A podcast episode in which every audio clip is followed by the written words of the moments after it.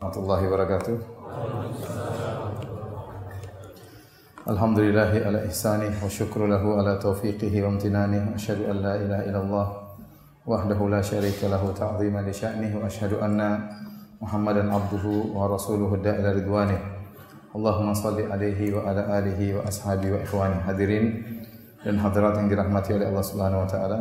Puji dan syukur kita panjatkan selalu kepada Allah Subhanahu wa taala atas segala limpahan karunia kenikmatan yang tiada henti-hentinya Allah berikan kepada kita. Salawat dan salam tercurahkan selalu kepada junjungan kita Nabi Muhammad sallallahu alaihi wasallam dan juga kepada keluarganya serta seluruh sahabat beliau tanpa terkecuali. Pada kesempatan kali ini kita akan membahas tentang uh, pahlawan Islam yang terhebat yaitu Khalid Ibnul Walid Ibnul Mughirah Al-Makhzumi radhiyallahu taala anhu. Khalid bin Walid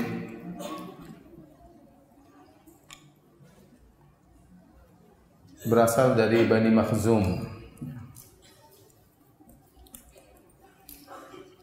Dan Bani Makhzum adalah kabilah yang merupakan saingan bagi kabilah uh, Bani Hashim.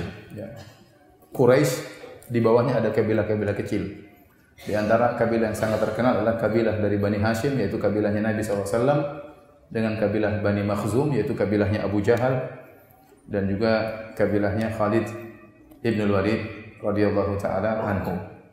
Bapak daripada Khalid bin Walid adalah Al Walid ibn Mughirah yang merupakan salah satu gombongnya orang-orang kafir Quraisy dan dia adalah orang terdepan dari Bani Makhzum.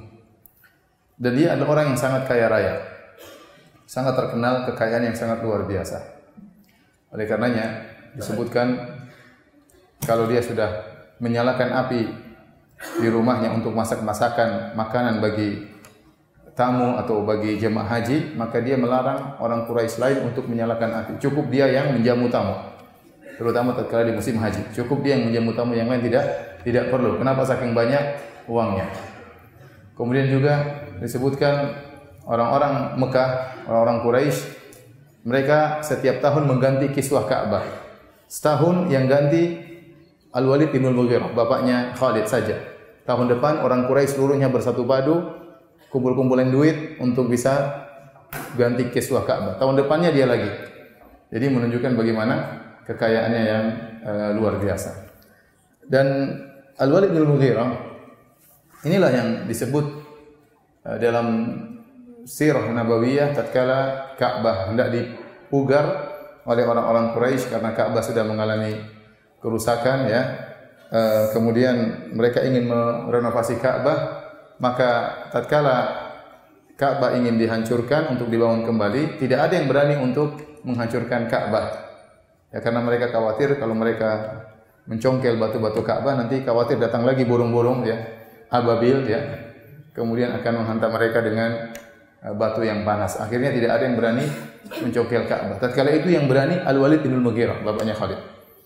Dan dia berkata, "Aturiduna bihadmiha al-islah amil isaah?" Kalian ingin menghancurkan Ka'bah ini untuk perbaikan atau ingin merusak Ka'bah semata? Kata mereka, kita nuridul islah, kita ingin merenovasi.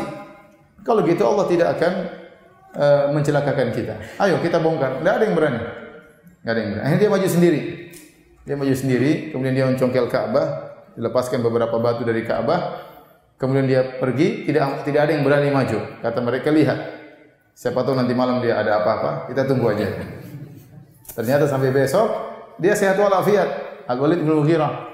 Kemudian dia maju hancurkan Ka'bah lagi, akhirnya diikuti oleh orang-orang Quraisy yang lain dan itu terjadi tatkala Nabi berusia 35 tahun, 5 tahun sebelum Nabi diangkat jadi seorang rasul. Itulah Walid bin Mughirah, laki yang terkenal. Uh, kemudian disebutkan beliau ini cerdas, Al-Walid bin Mughirah, cerdas dan dia karena dia orang tua, bahkan dikatakan orang paling tua di Bani Makhzum. Di Bani Makhzum. Ya, saya ulangi Bani Makhzum ini uh, kabilah yang merupakan saingan berat dari Bani Hashim. Makanya disebutkan kenapa Abu Jahal tidak mau beriman kepada Muhammad sallallahu alaihi wasallam sebagai seorang rasul karena dia tidak mau Bani Makhzum kalah bersaing. Kata Abu Jahal, kami Bani Makhzum dan Bani Hashim selalu bersaing.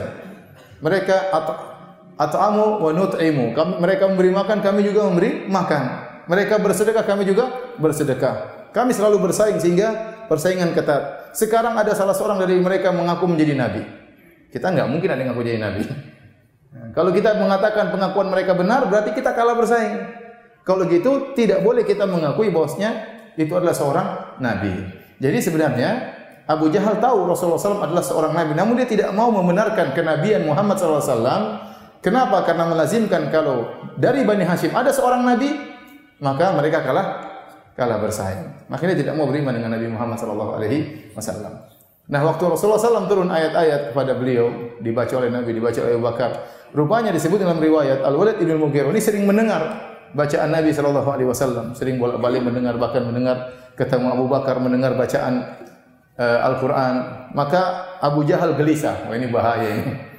Ini kalau Walid bin Mughirah masuk Islam repot. Kalau dia masuk Islam Bani Makhzum semuanya nanti masuk masuk Islam. Akhirnya orang-orang Bani Makhzum juga sudah gelisah. Ya Abul Hakam Abul Hakam maksudnya Abu Jahal, namanya Amr bin Hisham Al-Makhzumi. Ya. Wahai Abu Jahal, ya. wahai Abul Hakam, lihatlah Al-Walid bin Mughirah sudah mulai sering ketemu Abu Bakar mendengarkan ayat-ayat lantunan Al-Quran. Bagaimana ini?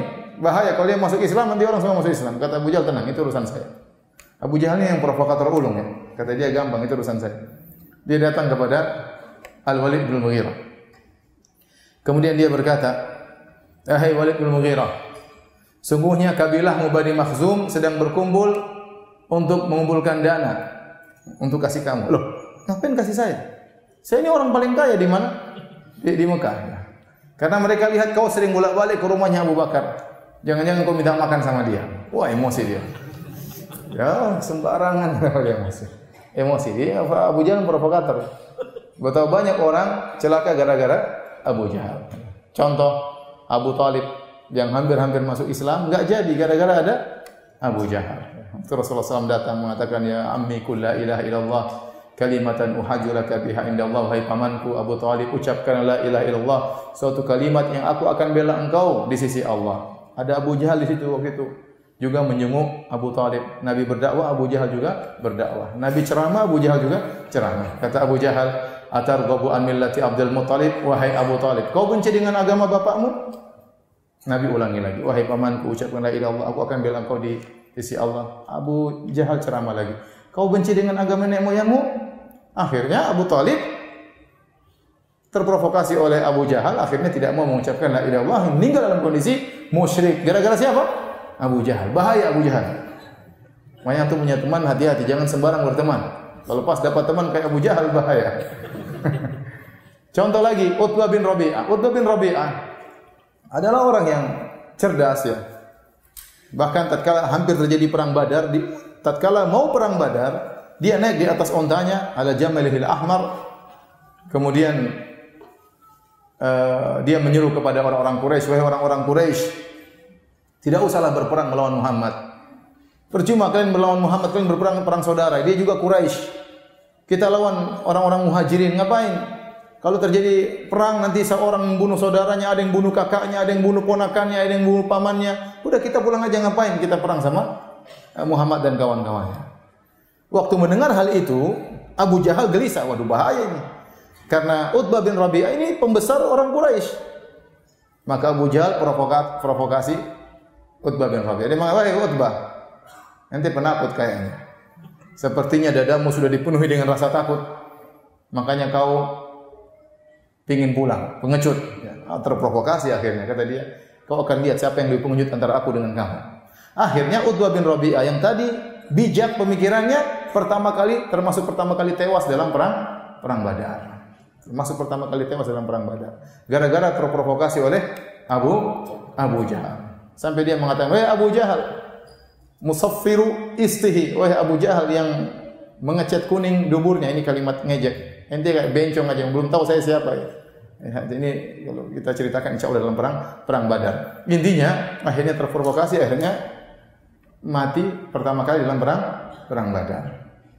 Ini bahaya ya teman teman dekat kalau dalam kondisi-kondisi genting bisa membuat orang akhirnya uh, jauh dari kebenaran. Di antaranya Al-Walid bin Mughirah. Akhirnya Al-Walid bin Mughirah terprovokasi. Kemudian kata Al-Walid bin Mughirah, ya, saya tidak akan beriman dengan Muhammad. Kata Abu, Abu Jahal, mereka tidak akan percaya. Ucapkanlah sesuatu tentang Al-Quran. Kata Al-Walid bin Mughirah, wahai Abu Jahal, kalian tahu, kalian katakan Muhammad penyihir, demi Allah dia bukan penyihir. Saya tahu jimat-jimat seperti apa, saya tahu jampi-jampi seperti apa. Kalian mengatakan dia seorang penyair, wa ana asy'arukum, aku orang yang paling pandai syair di antara kalian. Perkataan dia bukan syair. Bagaimana kita tuduh dia penyair? Kalian mengatakan dia orang gila, eh, dia bukan orang gila. Kalian tahu dia bukan orang orang gila. Kalian mengatakan dia dukun, dia bukan bukan dukun. Tapi kamu harus ngomong sesuatu. Apa yang harus ngomong katanya? Mulailah dia berpikir. Al-Walid bin Mughirah berpikir bagaimana bisa mencela Al-Quran. Itu dia sebentar. Dia mikir, mikir, mikir, mikir. Akhirnya dia mengambil kesimpulan. Kita katakan saja Muhammad ini penyihir. Kenapa kita katakan dia penyihir? Karena dia telah memisahkan antara saudara dengan saudaranya, antara suami dengan istrinya, antara anak dengan bapaknya, antara kakak dengan adiknya. Dan itulah fungsi sihir memisahkan antara dua orang yang dekat, antara suami dan istri. Tepat kata Abu Jahal. Nah, ini diabadikan oleh Allah Subhanahu wa taala. Allah memfonis Al-Walid bin Mughirah dalam neraka jahanam gara-gara ini. Allah sebutkan dalam surat Al-Muddathir kata Allah Subhanahu wa taala, "Dzarni wa man khalaqatu wahida." Biarkanlah aku bertindak terhadap orang yang aku telah menciptakannya sendirian. Ini Walid bin Mughirah ini ciptaanku, biarkan aku urusanku Al-Walid bin Mughirah. Wa ja'altu lahu malam mamduda. Lalu aku jadikan bagi dia Al-Walid bin Mughirah harta yang banyak, berlimpah ruah. Wa banina syuhuda. Dan dia memiliki anak-anak yang selalu hadir bersama dia. Ya, ya. Yang Khalid bin Walid, Walid bin Walid dia punya laki-laki. Ya. Wa mahattu lahu tamhida. Kemudian aku berikan dia, siapkan bagi dia rizki, aku siapkan bagi dia kedudukan. Thumma yatma'u an azid. Kemudian dia berharap dariku agar aku menambah kebaikan baginya. Kalla sekali-sekali tidak. Innahu kana li ayatina anida. Sungguhnya dia itu membangkang terhadap ayat-ayat kami. Saurhiquhu sauda. Aku akan membuat dia letih dalam pendakian. Kata para ulama, Al-Wad bin Mughirah akan disiksa oleh Allah Subhanahu wa taala dalam neraka jahanam ada sebuah gunung sebagaimana dalam neraka juga ada wail. Wail adalah lembah. Jadi Allah menyiksa penghuni neraka dengan lembah atau dengan gunung. Gunung itu disuruh didaki. Didaki dengan gunung yang sangat panas sehingga tangan jari-jari mereka meleleh. Namun mereka akan disuruh mendaki di antaranya Al Walid bin Al Mughirah. Kata Allah saurhiquhu sauda. Aku akan buat dia lelah dalam pendakian. Kenapa Allah vonis dia dalam neraka jahanam? Kata Allah, innahu fakkara wa qaddar. Sungguhnya dia merenungkan dan dia menetapkan. Apa yang dia renungkan? Dia renungkan bagaimana bisa mencela Al-Qur'an. Saya harus ngomong apa ini supaya orang mencela Al-Quran? Faqaddar kemudian dia tetapkan. Kata Allah, "Tsumma innahu fakkara wa qaddar, faqutila kaifa qaddar." Celaka dia bagaimana dia menetapkan bahwasanya Al-Quran itu sihir. Tsumma qutila kaifa qaddar. Kemudian celaka dia bagaimana dia bisa menetapkan Al-Quran itu adalah sihir. Tsumma nazar, kemudian dia memikirkan, tsumma abasa wa basar, kemudian dia bermasa muka dan merengut. Summa ada wastakbar, kemudian dia berpaling sambil sombong. Faqala in hadza illa sihru yu'sar. Maka dia berkata kesimpulannya Al-Quran adalah sihir yang dipelajari oleh Muhammad. In hadza illa qaulul bashar. Sungguhnya Al-Quran itu hanyalah perkataan manusia, bukan perkataan Allah Subhanahu wa taala. Kata Allah sa'uslihi saqar. Aku akan masukkan dia dalam neraka saqar. Wa ma adraka ma saqar. Tahukah engkau apa itu neraka saqar? La tubqi wa la tadhar. Sungguhnya neraka tersebut tidak akan meninggalkan dan tidak akan menyisakan. Semuanya terkena disiksa oleh neraka tersebut. Kulit, daging, tulang semuanya lumat. Lawahatul lil bashar adalah pembakar kulit manusia. Ternyata dia difonis neraka jahanam gara-gara dia mengatakan Al-Qur'an itu apa? Sihir, perkataan manu manusia. Sehingga sebenarnya mengatakan hati-hati ya.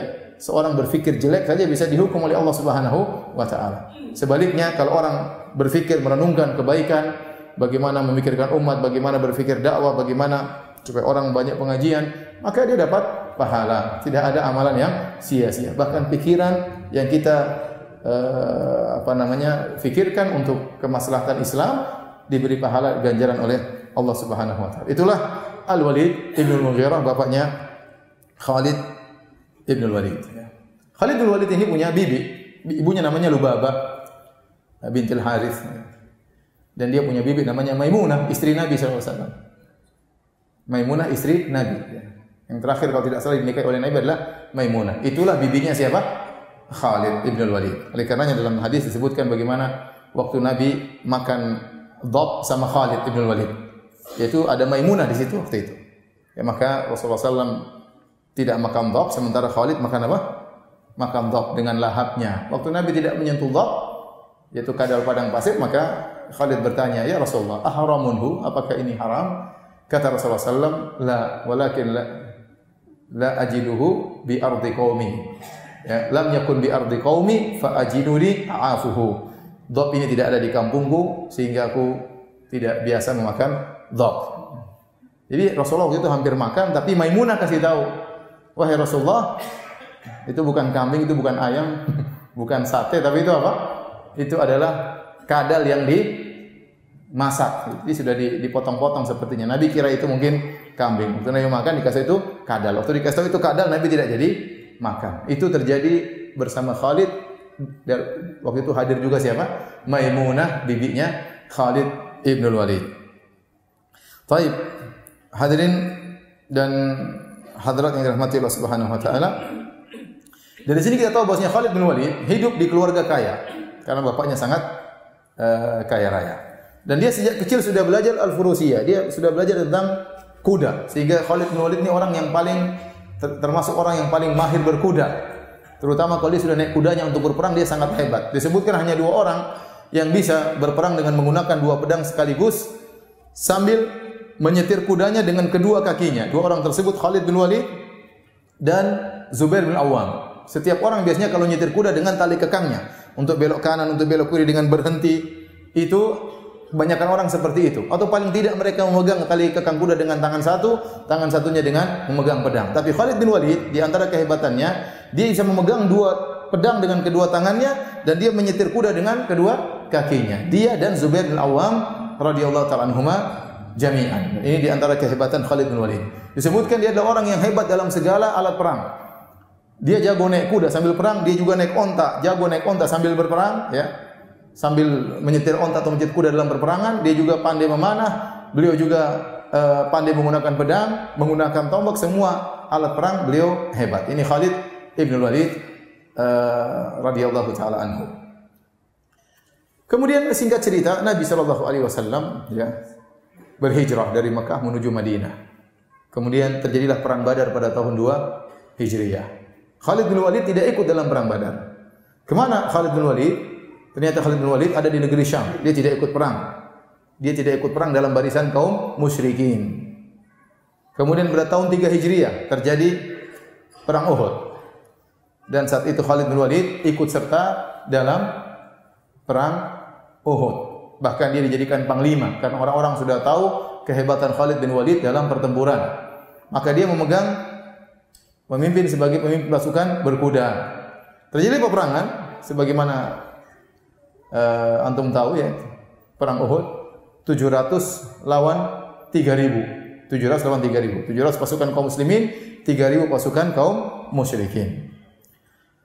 Uh, kemudian secara singkat waktu itu Nabi SAW meletakkan pasukan di bawah 650 dan 50 orang di atas suatu bukit kecil namanya Jabal Rumat yang sering dinaiki oleh jemaah haji, bukit kecil.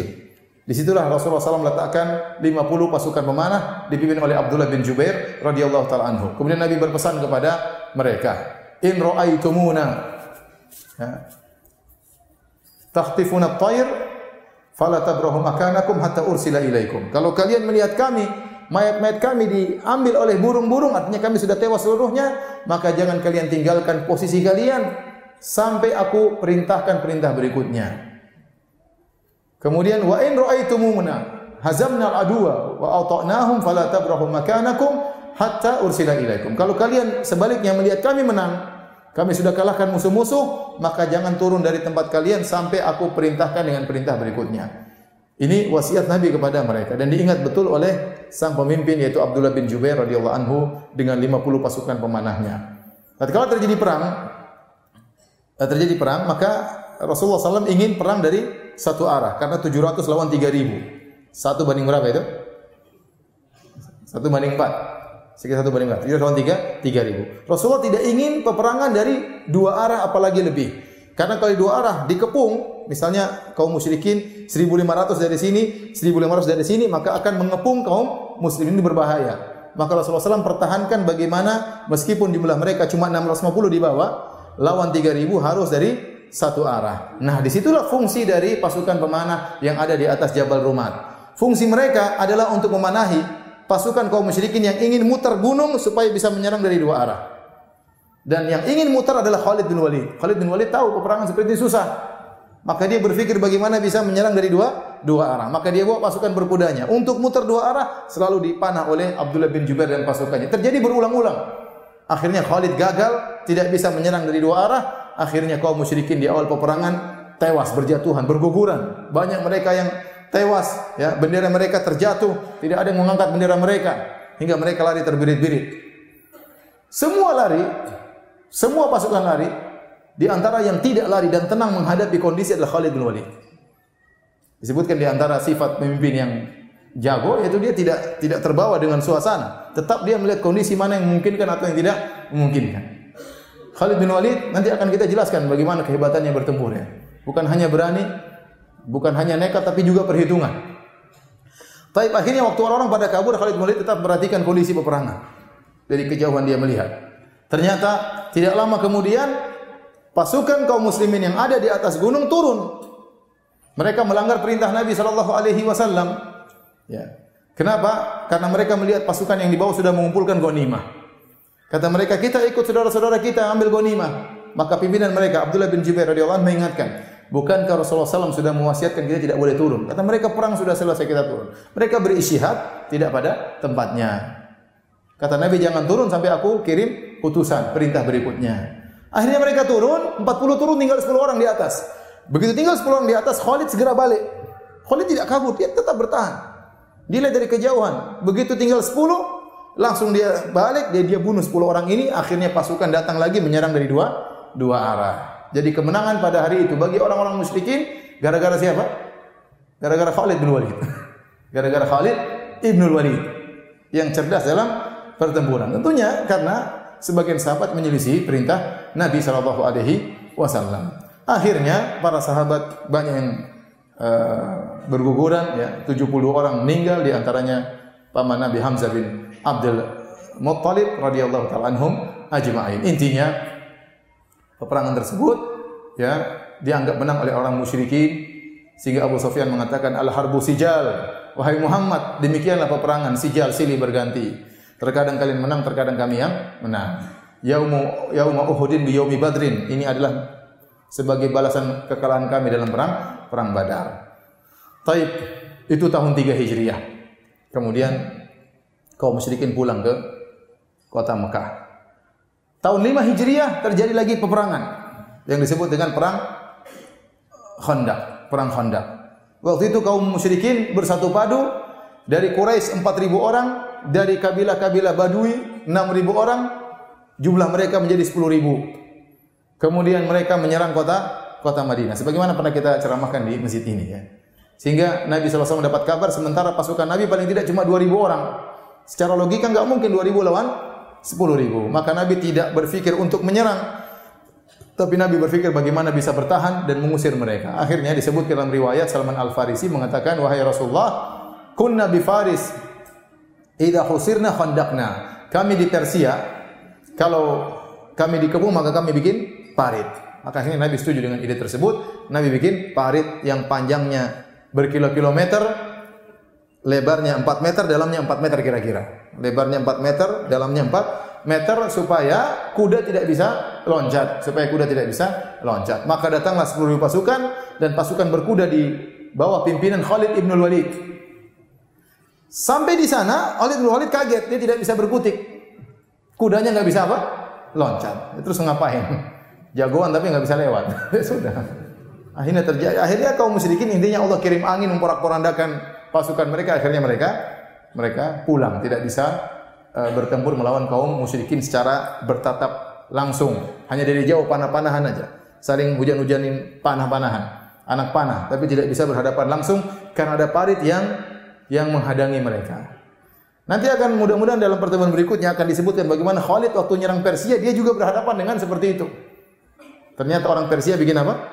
Bikin parit. Tapi Khalid sudah punya pengalaman. Bagaimana menghadapi parit tersebut.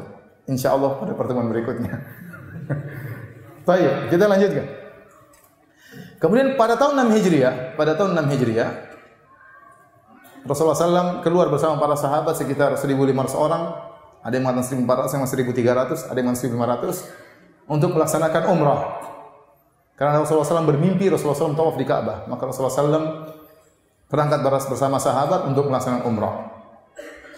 Ternyata dihadang Rasulullah SAW tidak bisa melanjutkan umrah, dihadang oleh orang Quraisy di Hudaybiyah. Sehingga terjadilah perjanjian namanya perjanjian Al-Hudaybiyah. Yang di mana dalam perjanjian tersebut kaum muslimin harus pulang dan hanya boleh umroh tahun depan dan terjadi gencatan senjata. Tidak boleh terjadi peperangan antara kaum muslimin dengan kaum musyrikin 10 tahun. Dan kaum musyrik kaum muslimin harus pulang ke Madinah. Hanya boleh umroh tahun depan itu pun hanya tiga hari di kota Mekah setelah itu pulang. Dan Nabi setuju. Waktu itu sebagian sahabat protes. Di antaranya Umar. Banyak sahabat protes. Umar berkata, Ya Rasulullah, Alaysa qatlana fil jannah wa qatlahum fil nar? Ya Rasulullah, bukankah kalau kita meninggal di antara kita masuk surga, kalau mereka mampus masuk neraka, ya udah kita perang aja ya Rasulullah. Rasulullah SAW mengatakan ini Rasulullah, aku Rasulullah. Akhirnya Umar pun mundur. Intinya, akhirnya Rasulullah SAW balik.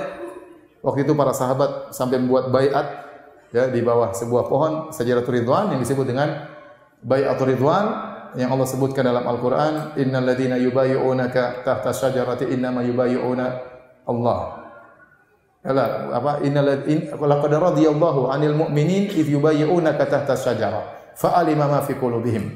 Kata Allah sungguh Allah telah ridha terhadap kaum mukminin tatkala mereka membayar engkau di bawah sebuah pohon yang disebut dengan bai'atul ridwan di mana para sahabat bersumpah akan berperang sampai titik darah penghabisan. Sehingga Rasulullah SAW mengatakan semua yang berbaiat di bawah pohon semuanya masuk surga kecuali satu orang munafik semuanya masuk surga.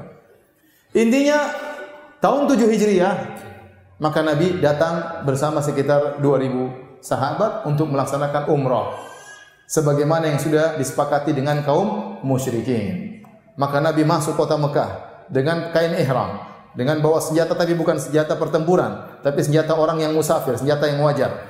Karena tetap Nabi khawatir jangan-jangan orang-orang musyrikin berkhianat. Nanti tahu-tahu mereka menyerang bagaimana. Akhirnya masuklah Nabi SAW. Umroh tiga hari.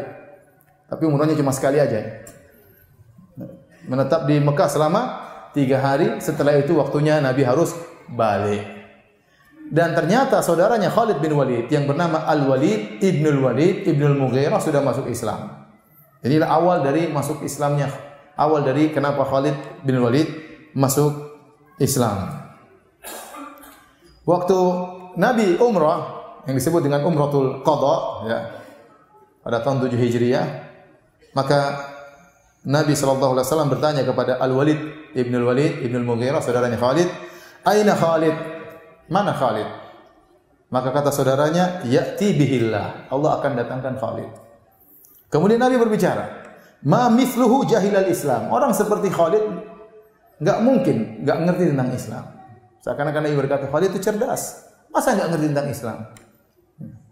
Walau kana yaj'alu nikayatahu ma'al muslimin 'alal musyrikin kana khairan lahu. Kalau seandainya dia menjadikan kehebatannya dalam bertempur untuk kaum muslimin, maka itu lebih baik bagi dia. Wala qaddamnahu ala ghairi dan kami akan mengedepankan dia daripada yang lainnya. Di sini Nabi mengaku kehebatan Khalid dan Nabi memuji Khalid. Dua sisi Nabi puji. Pertama cerdasnya Khalid. Masa Khalid enggak ngerti tentang Islam? Khalid cerdas, harusnya tentang Islam. Yang kedua, Nabi mengakui kehebatan pertempurannya. Sehingga Nabi tawarkan, coba kalau dia masuk Islam, kemudian membela Islam, kami akan mengedepankan daripada yang yang lainnya. Ini pujian bagi Khalid Ibnu Walid radhiyallahu taala anhu. Akhirnya Al-Walid Ibnu Walid mencari Khalid bin Walid, dia cari. Enggak dapat. Karena Rasulullah SAW mencari Khalid. Ini musim musim damai, boleh ketemu antara musyrikin dengan muslimin, enggak ada masalah. Tatkala dia tidak mendapati saudaranya Khalid bin Walid, maka Al-Walid, saudaranya Khalid ini menulis surat. Dia tulis dalam suratnya tersebut, Bismillahirrahmanirrahim. Amma ba'du. Fa inni lam ara a'jaba min dhahabi ra'yika anil Islam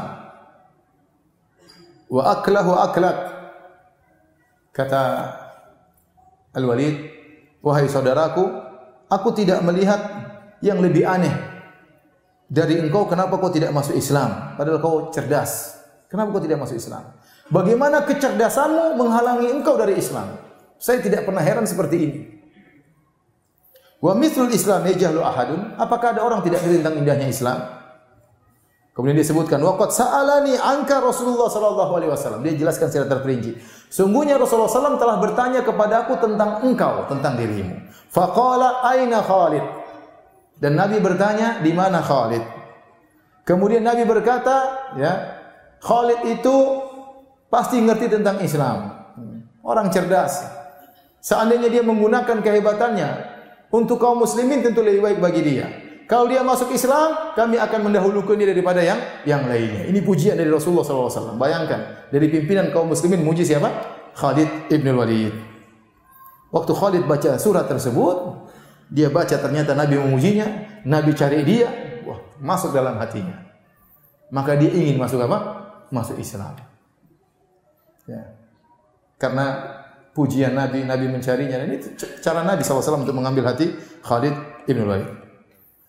Kemudian juga dalam mimpi Khalid melihat seakan-akan dia berada dalam baladin dhayiqah jadbah dia berada di suatu daerah yang kering yang tandus fakharaja ila baladin akhdar awasi. Tiba-tiba dia keluar di sebuah tanah yang hijau dan luas. Ya. Faqala fi nafsihi inna hadhihi la ru'ya. Ini baru mimpi. Ini mimpi baik. Tadinya di tempat yang sempit kemudian uh, kering, tahu-tahu keluar ke tempat yang hijau dan dan luas. Akhirnya waktu dia ke Madinah dia tanya kepada Abu Bakar radhiyallahu anhu, maka Abu Bakar radhiyallahu anhu berkata, "Huwa makhrajuka alladhi hadaka Allahu lil Islam." Itu adalah jalan keluarmu yang Allah beri hidayah kepadamu menuju Islam. Wa dhayyiq wadhiqu alladhi kunta fihi minasyirk. Adapun sempit yang kau tempati itu adalah kesyirikan. Baik, hadirin dan hadirat yang dirahmati Allah Subhanahu wa taala, maka Khalid pada tahun tahun 8 Hijriah bertekad untuk masuk Islam. Maka dia cari teman. Jalan-jalan di Mekah, saya mau ke, Madinah, ada teman enggak? Dan dia cuek, dia tidak takut. Meskipun ketahuan yang lainnya tidak masalah bagi dia, karena dia jagoan. Sebagian orang masuk Islam diam-diam. Khalid enggak, saya masuk Islam. Ada yang teman enggak mau ke Madinah? Ketemu dengan Ikrimah, Ketemu Ikrimah. Ikrimah bin Abi Jahal. Ikrimah putranya Abu Jahal. Oh dendamnya sama Nabi luar biasa. Ini anaknya Abu Jahal. Ikrimah, sudahlah kita masih kita ke Madinah aja lah. Kita masih Islam. Kita Muhammad itu Nabi ya sudahlah, sudahlah. Muhammad itu apa? Nabi. Kata Ikrimah ya Khalid, ente bagaimana masuk Islam? Orang tua kita dibunuh, apalagi Ikrimah, bapak saya dibunuh, keluarga saya dibunuh, kemudian masuk Islam. Bagaimana bisa? Kalau semua orang semuanya masuk Islam, saya tidak masuk Islam. Ketemu dengan Sofwan bin Umayyah bin Khalaf juga. Bapaknya yang dibunuh Umayyah bin Khalaf. Sama. Kalau semua orang masuk Islam, saya sendiri kafir tidak ada masalah. Pokoknya semuanya ngeyel nggak mau. Karena dendam yang luar biasa. Keluarga mereka terbunuh. Akhirnya Khalid bin Walid pun berjalan. Kemudian dia berkata, Waditu lau ajidu man usahid. Aku berharap bertemu dengan orang yang sama denganku ingin masuk Islam. Falakitu Uthman bin Talha. Maka aku ketemu, ketemu dengan seorang bernama Uthman bin Talha. Anak muda juga. Fadzakartu lahu alladhi uridu. Fasra ijabah. Aku jelaskan saya ke Madinah mau masuk Islam. Maka dia pun ternyata ingin masuk Islam. Maka mereka berdua berjalan. Kemudian tidak lama kemudian mereka bertemu lagi dengan Amr bin As. Amr bin As radhiyallahu anhu. Ini juga sahabat yang luar biasa, sangat cerdas. Kalau Khalid terkenal dengan apa namanya kehebatan pertempurannya, kalau Amr bin As terkenal dengan diplomasinya luar biasa cerdas. Makanya waktu waktu para sahabat berhijrah ke ke Habasyah di bawah naungan Raja Najasyi, maka sang provokator Abu Jahal mengirim utusan untuk memprovokasi Raja Najasyi untuk mengusir kembali para sahabat. Siapa yang dikirim? Amr bin As radhiyallahu anhu. Kenapa? Karena dia cerdas. Ini perlu kisah tersendiri tentang Amr bin As radhiyallahu anhu. Kemudian juga waktu terjadi pertikaian antara Muawiyah dengan uh, Ali bin Abi Thalib. Ali bin Abi Thalib dan Muawiyah mengirim dua perwakilan untuk berunding. Ali bin Abi Thalib mengirim Abu Musa al-Asy'ari. Adapun Muawiyah mengirim Amr bin As radhiyallahu taala anhu. Jadi dikenal dahiyatul Arab, orang paling jago diplomasi, cerdas, Amr bin As. Khalid jago jago perang. Utsman bin Talha dari Bani uh, Abdiddar yang memegang kiswah Ka'bah, kunci pintu Ka'bah. Ternyata tiga orang ini berangkat bersama-sama menuju kota Madinah untuk masuk Islam. Tatkala Rasulullah SAW melihat mereka, maka Rasulullah SAW berkata, Rahmatkum Makkatu bi afladi kabidiha. Sungguhnya kota Mekah telah mendatangkan atau melemparkan bagi kalian intisari dari kota Mekah. Tiga orang ini intisari anak-anak muda yang hebat-hebat. Ya, Khalid bin Walid jago berperang, Amr bin As juga jago diplomasi dan Utsman bin Talha juga pegang masalah urusan Ka'bah. Akhirnya mereka bertemu dengan Nabi sallallahu alaihi wasallam. Kemudian Khalid bin Walid ya, waktu bertemu dengan Nabi sallallahu alaihi wasallam maka Rasulullah SAW menyambutnya dengan wajah tersenyum ya kemudian Khalid pun menyatakan Islamnya tatkala itu Rasulullah SAW berkata alhamdulillahilladzi hadaka. Segala puji bagi Allah yang telah beri petunjuk kepadamu wahai Khalid. Qad kuntu ara laka aklan rajautu alla yuslimaka illa illa khair. Sungguh aku telah melihat kecerdasan ada pada dirimu. Dan aku berharap kecerdasanmu kecerdasanmu tadi tidak mengantarkan engkau kecuali pada kebaikan. Kemudian kata Khalid, aku pun membaiat Rasulullah SAW dan aku berkata, Istaghfirli kullama awda'tu fihi min saddin an sabilillah. Ya Rasulullah, mohonkanlah ampunan bagiku atas segala kesalahan yang pernah aku lakukan di zaman jahiliyah yang membuat aku menghalangi manusia dari jalan Allah Subhanahu wa taala. Maka Rasulullah SAW berkata, Al-Islam yajubu makana qablahu. Islam akan menghapuskan seluruh dosa-dosa yang ada sebelumnya. Ya, kemudian Rasulullah SAW berdoa, Allah maghfir li Khalid bin Walid kullama awda'a fihi min saddin an sabili. Ya Allah ampunilah Khalid bin Walid atas segala kesalahan yang pernah dia lakukan yang menghalangi manusia dari jalanmu. Kemudian Amr bin As juga maju. Dia mengatakan, Ya Rasulullah, mudah yadak, ubayyika ya Rasulullah. Bentangkan tanganmu, aku akan baiatmu. Maka Rasulullah SAW bentangkan tangannya. Waktu Rasulullah bentangkan tangannya, Amr bin As tidak menjadi baiat, tidak berbaiat. Kata Nabi, malak ya Amr, kenapa kau tidak membaiat? Saya sudah bentangkan tangan. Kata Amr bin As, "Uridu an asyarit." Saya ingin punya syarat ya Rasulullah untuk membayar engkau. Apa syaratmu? Agar Allah mengampuni segala dosa-dosaku yang telah lalu. Ini semua gembong-gembong semua ini. Khalid gembong, Amr bin As juga gembong. Oh, penjahat juga ya. Ya, mereka tahu dosa mereka banyak. Kata mereka syaratnya Allah mengampuni dosa-dosaku. Maka Rasulullah berkata, "Ala ta'lamu ya Amr, tidakkah kau tahu wahai Amr, annal Islama yajubu makana qablahu?" Bahwasanya Islam menghapuskan dosa-dosa sebelumnya, wa anna taubata tahdimu makana qablaha bahwasanya taubat akan menghapuskan dosa-dosa sebelumnya wa annal hajja yahdimu makana qablahu dan bahwasanya haji akan menghapuskan dosa-dosa sebelumnya maka mereka bertiga masuk Islam dan itu terjadi sekitar dua bulan sebelum perang Mu'tah. Taib. Sekarang Khalid bin Walid sudah masuk dalam barisan kaum muslimin siap dijadikan panglima yang luar biasa. Dua bulan berikutnya terjadi perang namanya perang Mu'tah. Khalid bin Walid baru masuk Islam berapa bulan? Dua bulan. Mu'allaf, masih mu'allaf. Istilah orang kita mu'allaf. kalau dua bulan mungkin mu'allaf, tapi kalau sudah 20 tahun bukan mu'allaf lagi. Baik. Sudah muazan ya? Berapa menit? Berapa menit? Baik, pada tahun 8 Hijriah ini terjadi perang sangat hebat. Ini nampak awal dari kehebatan Khalid dalam pertempuran. Ya. Khalid bin Walid ya diutus dalam pasukan perang Mu'tah melawan orang-orang Romawi.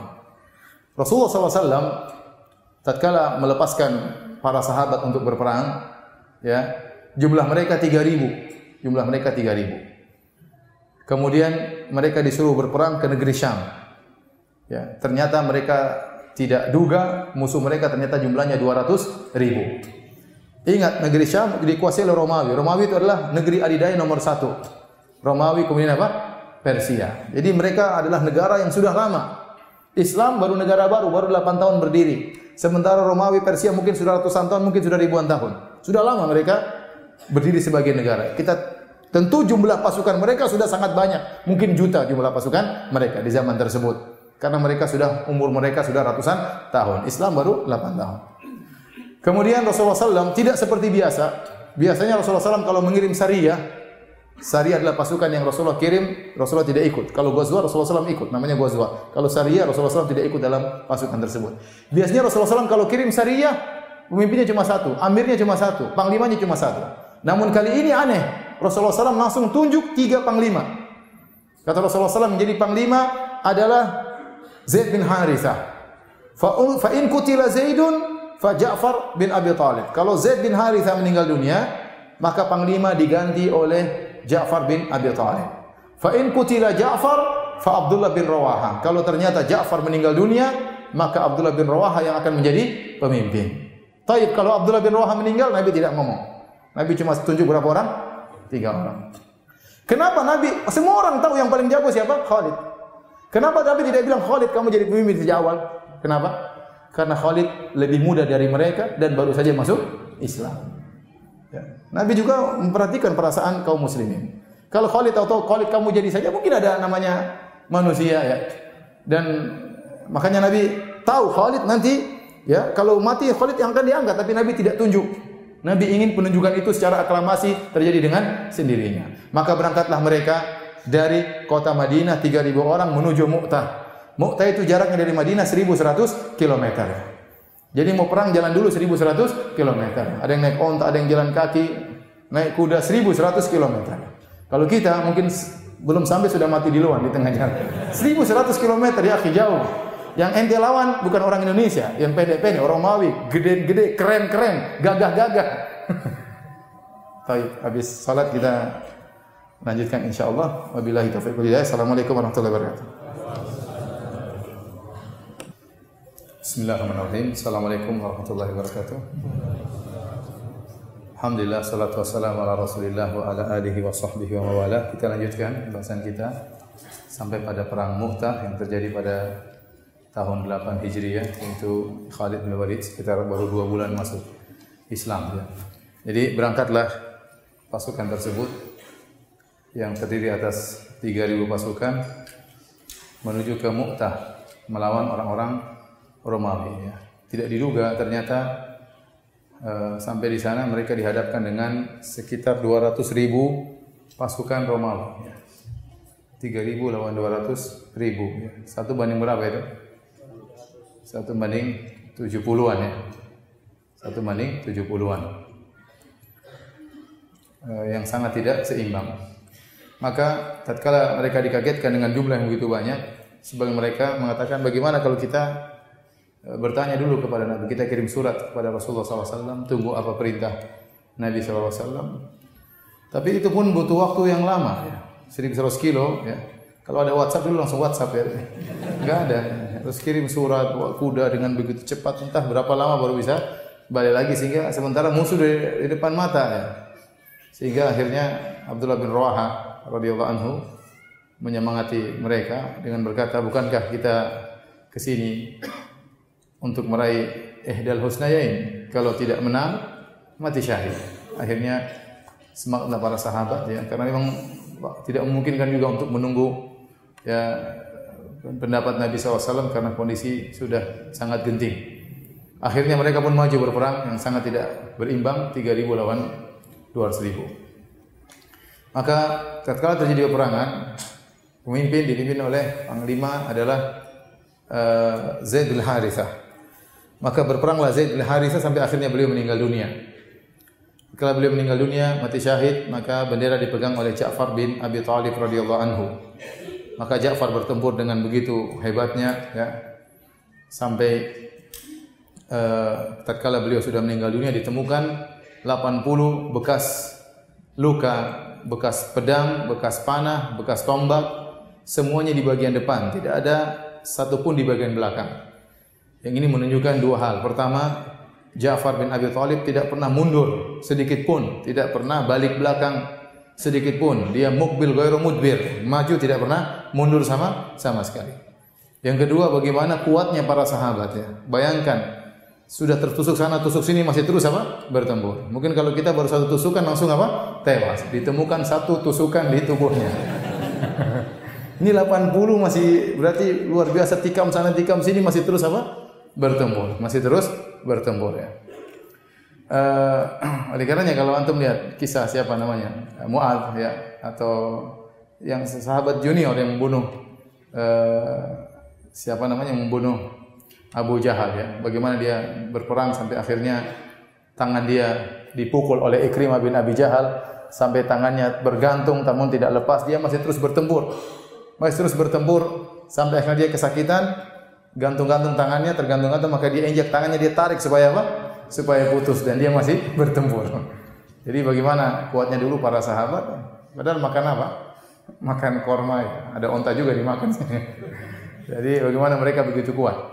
Ja'far waktu tangannya terputus sebelah kanan, dia memegang bendera dengan kiri. Waktu tangan kiri terputus, dia memegang dengan kedua adudaihi. Kemudian dia pun meninggal. Akhirnya bendera dipegang oleh uh, Abdullah bin Rawaha.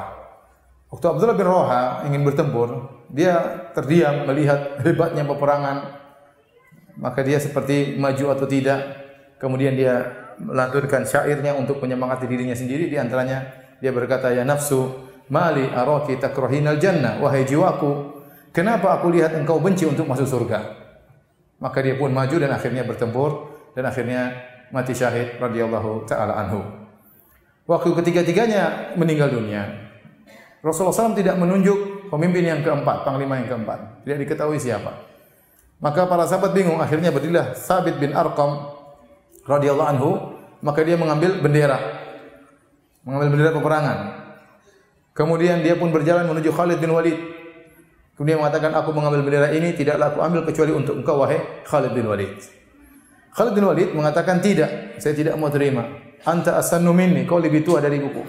Yang kedua, qad syahidta badran, engkau apa namanya? pernah ikut perang Badar. Jadi Khalid mengakui kehebatan Sabit bin Arqam. Pertama, dia lebih tua, lebih dahulu masuk Islam. Yang kedua, dia pernah ikut perang perang Badar. Artinya secara secara ketakwaan dia jauh lebih hebat daripada Khalid bin Walid. Khalid baru saja masuk Islam baru dua bulan. Apa bandingannya iman Khalid dengan imannya Sabit bin Arqam yang pernah ikut perang Badar yang luar biasa iman imannya. Tapi saat ini perang bukan masalah iman-imanan, masalah siapa yang jago. Musuh 200 ribu, cuma 3 ribu. Bukan masalah iman. Iman penting, tapi butuh seorang yang jago. Maka Sabit bin mengatakan, Wahai Khalid, engkau lebih ngerti daripada aku dalam masalah peperangan. Ambillah bendera ini. Akhirnya Khalid pun mengambil bendera dan tidak ada yang protes sama sekali. Karena semuanya memang tahu Khalid yang paling jago sebenarnya dari awal peperangan. Tapi Rasulullah tidak menunjuk Khalid ibn Walid. Maka dia pun mengambil bendera tersebut. Nabi SAW di Madinah mengumpulkan para sahabat.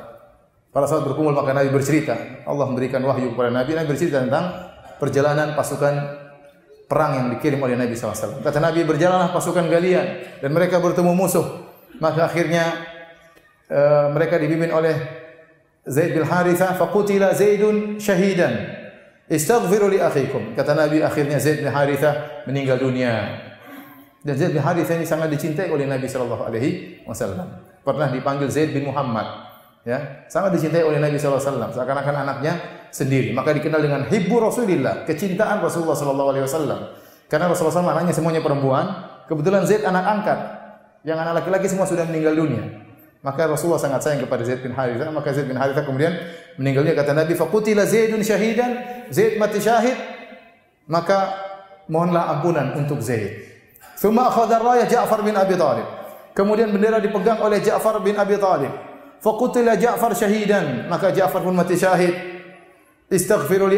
Maka mohon ampunanlah bagi Ja'far bin Abi Talib. Dalam riwayat Nabi SAW mengatakan, Allah menggantikan kedua tangan Ja'far dengan janahain yatiru bihima fil jannah dengan dua sayap yang Ja'far terbang dengan dua sayap tersebut di surga karena tangannya terpotong dia pegang dengan kiri bendera tersebut dipotong lagi akhirnya dia tangannya kedua-duanya terputus karena membela Allah Subhanahu wa taala.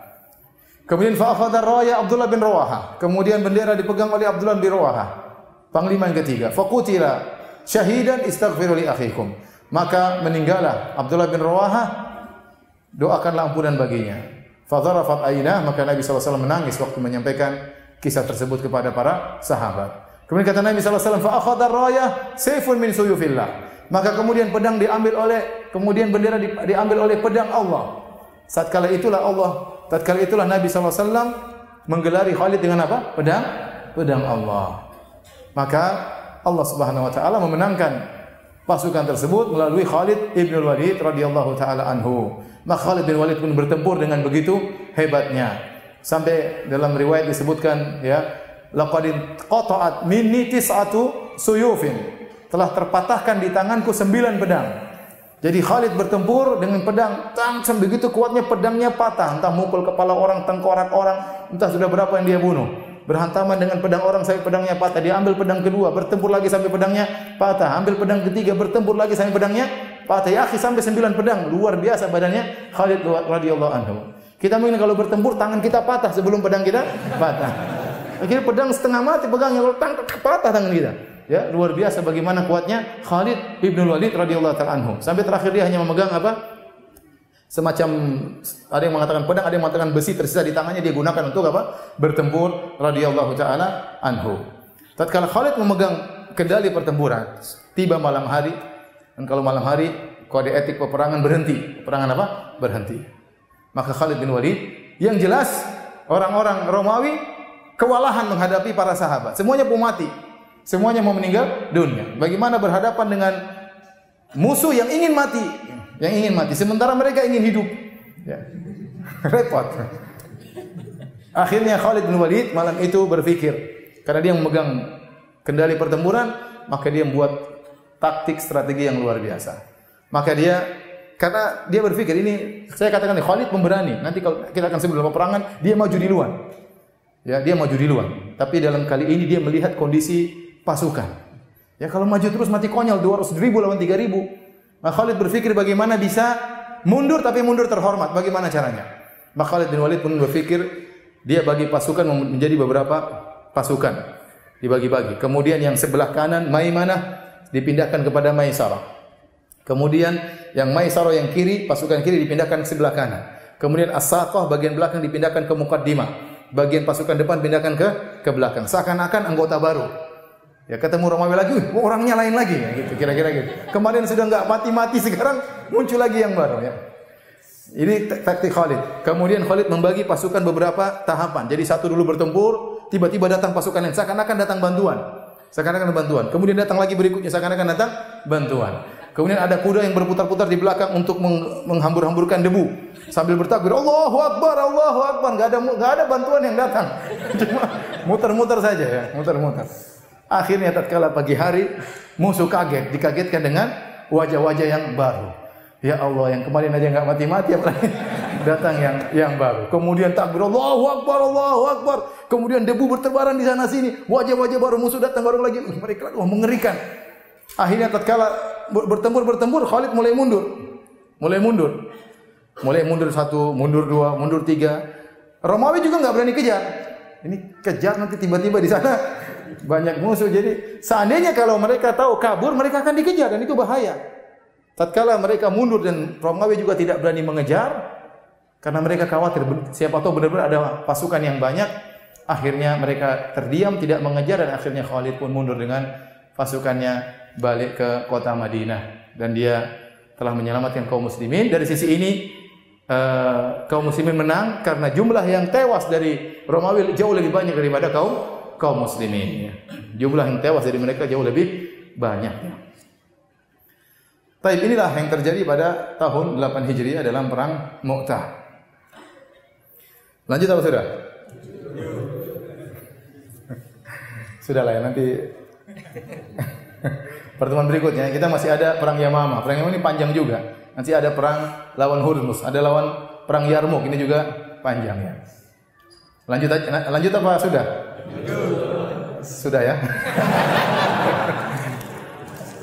Tapi saya mau cerita Musailim al-Kadzab. Banyak kisahnya lucu-lucu nanti nggak cukup waktunya sekarang ya. Insya Allah kita lanjutkan pada pertemuan berikutnya. Eh, semoga antum bersabar ya.